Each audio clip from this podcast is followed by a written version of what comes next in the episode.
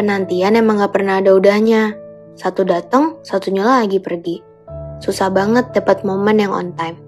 Dan nunggu paling capek itu ya nungguin orang, karena ngebatin banget. Apalagi kalau yang ditunggu gak sadar lagi ditungguin. Atau ada yang sadar tapi malah gak tahu diri. Ya pikir kita akan selamanya nunggu.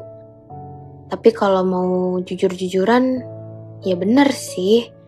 Kita nunggu seseorang kan karena ada harapan besar yang kita taruh di sana. Kalau udah gini, baru sadar bahayanya rasa senang. Mau menyesal, sudah terlanjur. Sabar, mungkin sebentar lagi dia akan kembali. Walau kita nggak pernah benar-benar tahu sebenarnya sebentar itu berapa lama. Perkara rasa emang ribet. Kalau menurut lo dia layak ditunggu, tunggu aja. Nggak apa-apa. Kalau layak lo ya.